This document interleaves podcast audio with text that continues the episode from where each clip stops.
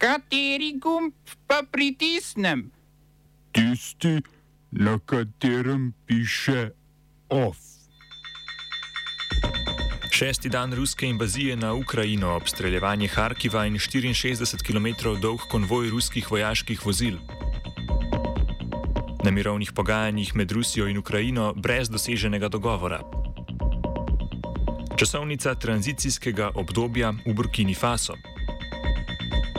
Sodišče imenovalo začasno poslovodstvo družbe GNI. V kulturnih novicah pustni eskapizem od most do Rusije.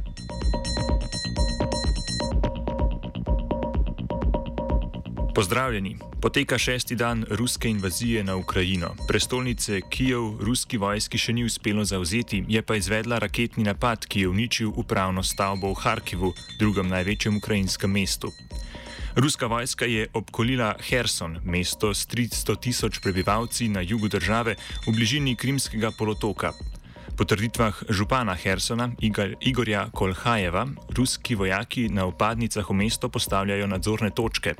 Satelitski posnetki, ki so nastali v okolišu mesta Ivankin in jih je objavila ameriška družba Maxar, kažejo, da Rusija proti Kijevu pošilja konvoj vojaških vozil, ki je dolg 64 km in poteka od vasi Pribirsk na severu do letališča Antonov, od Kijeva oddaljenega 25 km.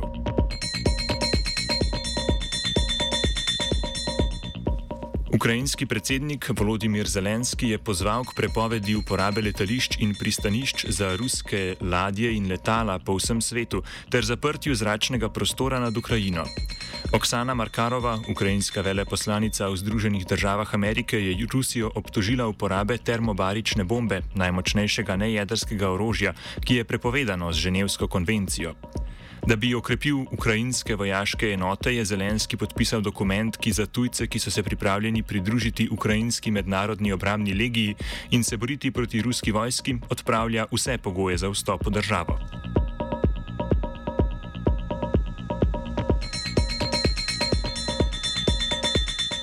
Včeraj popovdne so v rezidenci beloruskega predsednika Aleksandra Lukašenka potekala mirovna pogajanja, ki sta se jih udeležili ruska in ukrajinska delegacija.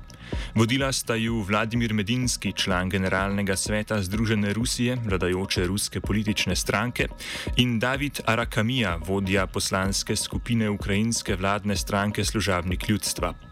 Prvi krok pogovorov o miru premirja ni prinesel poroča o vsebini, poročanja o njihovi vsebini, kako pak pa so skopa.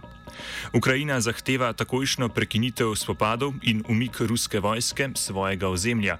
Rusija pa ustraja pri demilitarizaciji in denacifikaciji, ki jo je v govoru ob vojni napovedi omenjal ruski predsednik Vladimir Putin, ter neutralnosti Ukrajine. To je ruski pogoj za kakršen koli dogovor. Ruski obrambni minister Sergej Šojgu je dejal, da bo Rusija nadaljevala z ofenzivo, dokler ne bodo doseženi vsi njeni cilji. Po podatkih Organizacije Združenih narodov je iz Ukrajine od začetka vojne zbežalo 660 tisoč ljudi, samo na Polsko 380 tisoč beguncev. Mersk, največje kontejnersko podjetje, je začasno ustavil prevoz blaga v Rusijo in iz nje, kar je, kot so sporočili, del sankcij, ki jih Zahod uvaja proti tej državi.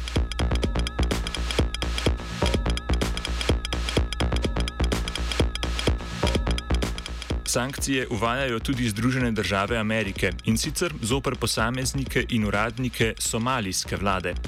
Zajemajo omejitve pri izdajanju vize, je v izjavi za javnost sporočilo ameriško zunanje ministrstvo.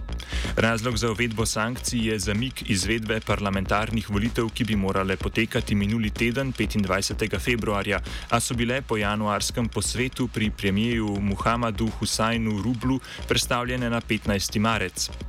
Volilni proces se je v Somaliji sicer začel že 1. novembra lani. V skladu s kompleksnim sistemom so volitve predstavnikov somalijskega spodnega doma posredne. V njihovi domeni je izbiranje predsednika države, kar je tudi razlog za zaplete pri izvedbi parlamentarnih volitev. Robel in predsednik Muhammad Abdullah Muhammad sta politična tekmeca, njuno rivalstvo pa je decembra lani eskaliralo do tega, da je Robel Muhammada obtožil poskusa državnega udara. Nestabilnosti političnega prostora v Somaliji botrujejo tudi nesoglasja med federalno vlado in vlado zvezdnih držav, ki trajajo praktično od konca vojaške diktature Muhameda Sejada Bare in delovanje islamske teroristične organizacije Al-Shabaab.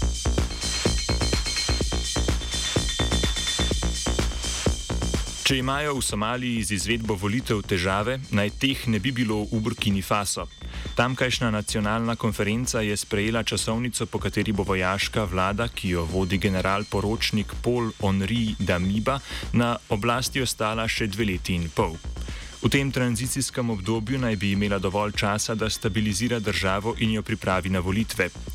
Edi Kombojgo, predsednik osrednje opozicijske stranke Kongresa za demokracijo in napredek in poraženec na predsedniških volitvah leta 2020, je predstavljeno časovnico pozdravil. Trenutna vojaška vlada je nastala z udarom 23. januarja, v katerem je vojska odstavila predsednika Roša Kaboreja.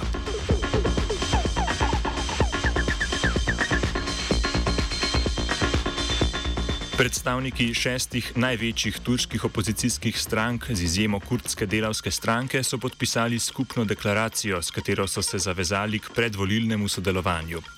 V obliki zavezništva želijo nastopiti proti predsedniku Rečepu Tajipu Erdoanu, ki državo v tej funkciji vodi od leta 2014, predtem pa od leta 2013 je bil premijer. Najvidnejša predstavnika zavezništva sta predsednik sekularne republiške ljudske stranke Kemal Kilič Darol in voditeljica desničarske nacionalistične dobre stranke Meral Aksner, ki sta se proti Erdoanu na neformalni ravni povezala že pred približno petimi leti. Osrednja točka opozicijskega programa bo reforma predsedniškega sistema, ki je bil uveden leta 2018 po ustavnem referendumu in je Erdoanu omogočil koncentra koncentracijo politične moči, saj v opoziciji predvidevajo uvedbo omejitve predsedniškega mandata na sedem let. Obenem bi predsedniku vzeli pooblastilo, da skupaj z vladnim kabinetom razglasi izredne razmere. Opozicijsko zavezništvo želi turško zakonodajo približati evropski in spoštovati sodbe Evropskega sodišča za človekove pravice. Do povezovanja med opozicijskimi strankami prihaja v obdobju ekonomske krize v državi, saj Turčijo pestijo 50-odstotna inflacija in naraščajoče cene goriva.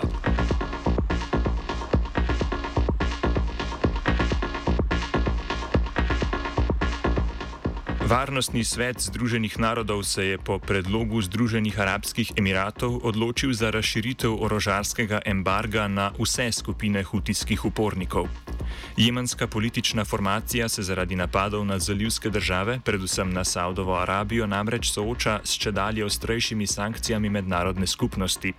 Saudska koalicija je s podporo Združenih držav Amerike proti domnevnemu terorizmu Hutijev prvič posredo posredovala 2015, ko so uporniki zauzeli večino Jemna, med drugim tudi prestolnico Sanoo. Uspeli pa so strmoglaviti tudi vlado predsednika Abd Rabu Mansur Hadija. Vodja hutijskih upornikov v hutijskem vrhovnem revolucionarnem komiteju Muhammad Ali al-Huti je kritiziral odločitev varnostnega sveta, čež da je namenoma zapostavil obravnavo zločinov, ki jih je v Jemnu zagrešila arabska koalicija. Dolgotrajno savdsko bombardiranje Jemna namreč v državi povzroča lakoto in vse splošno humanitarno krizo. Oba, če, če bom odgovoril na angliški. Slovenija bo poskušala pomagati. Slovenija bo naredila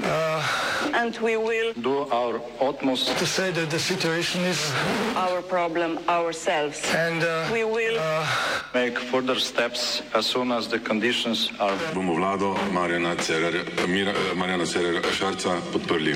Very, very serious. News from Slovenia. We know how and we will. Okrožno sodišče v Krškem je imenovalo začasno poslovodstvo družbe GNI. V upravo je imenovalo Primoža Stropnika, Dejana Paravana in Andreja Šajna ter predsednika Igorja Koprivnikarja. Trajanje njihovega mandata je omejeno na največ eno leto oziroma do imenovanja novega poslovodstva.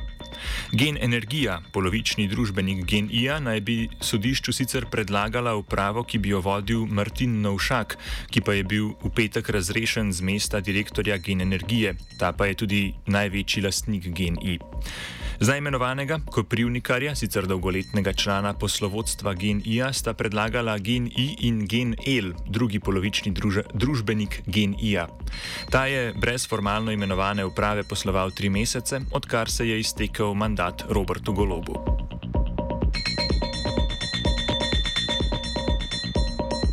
Po poročanju časnika Finance bo slovensko Sberbank iz skupine Sberbank Europe, ki je v ruskem lastništvu in je v nedeljo zaradi sankcij prekinila poslovanje, najverjetneje kupila Nova Ljubljanska banka. Delnice Sberbanka bi na NLB prenesli v noči na jutri, s čimer bi zagotavljali likvidnost banke. V tem primeru potrebe po sprožitvi jamstvene scheme ne bi bilo.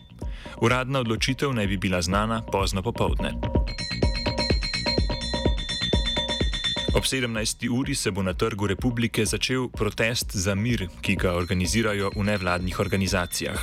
Z protesta se bomo javljali v živo. OF sta pripravila Trontel in Fabian.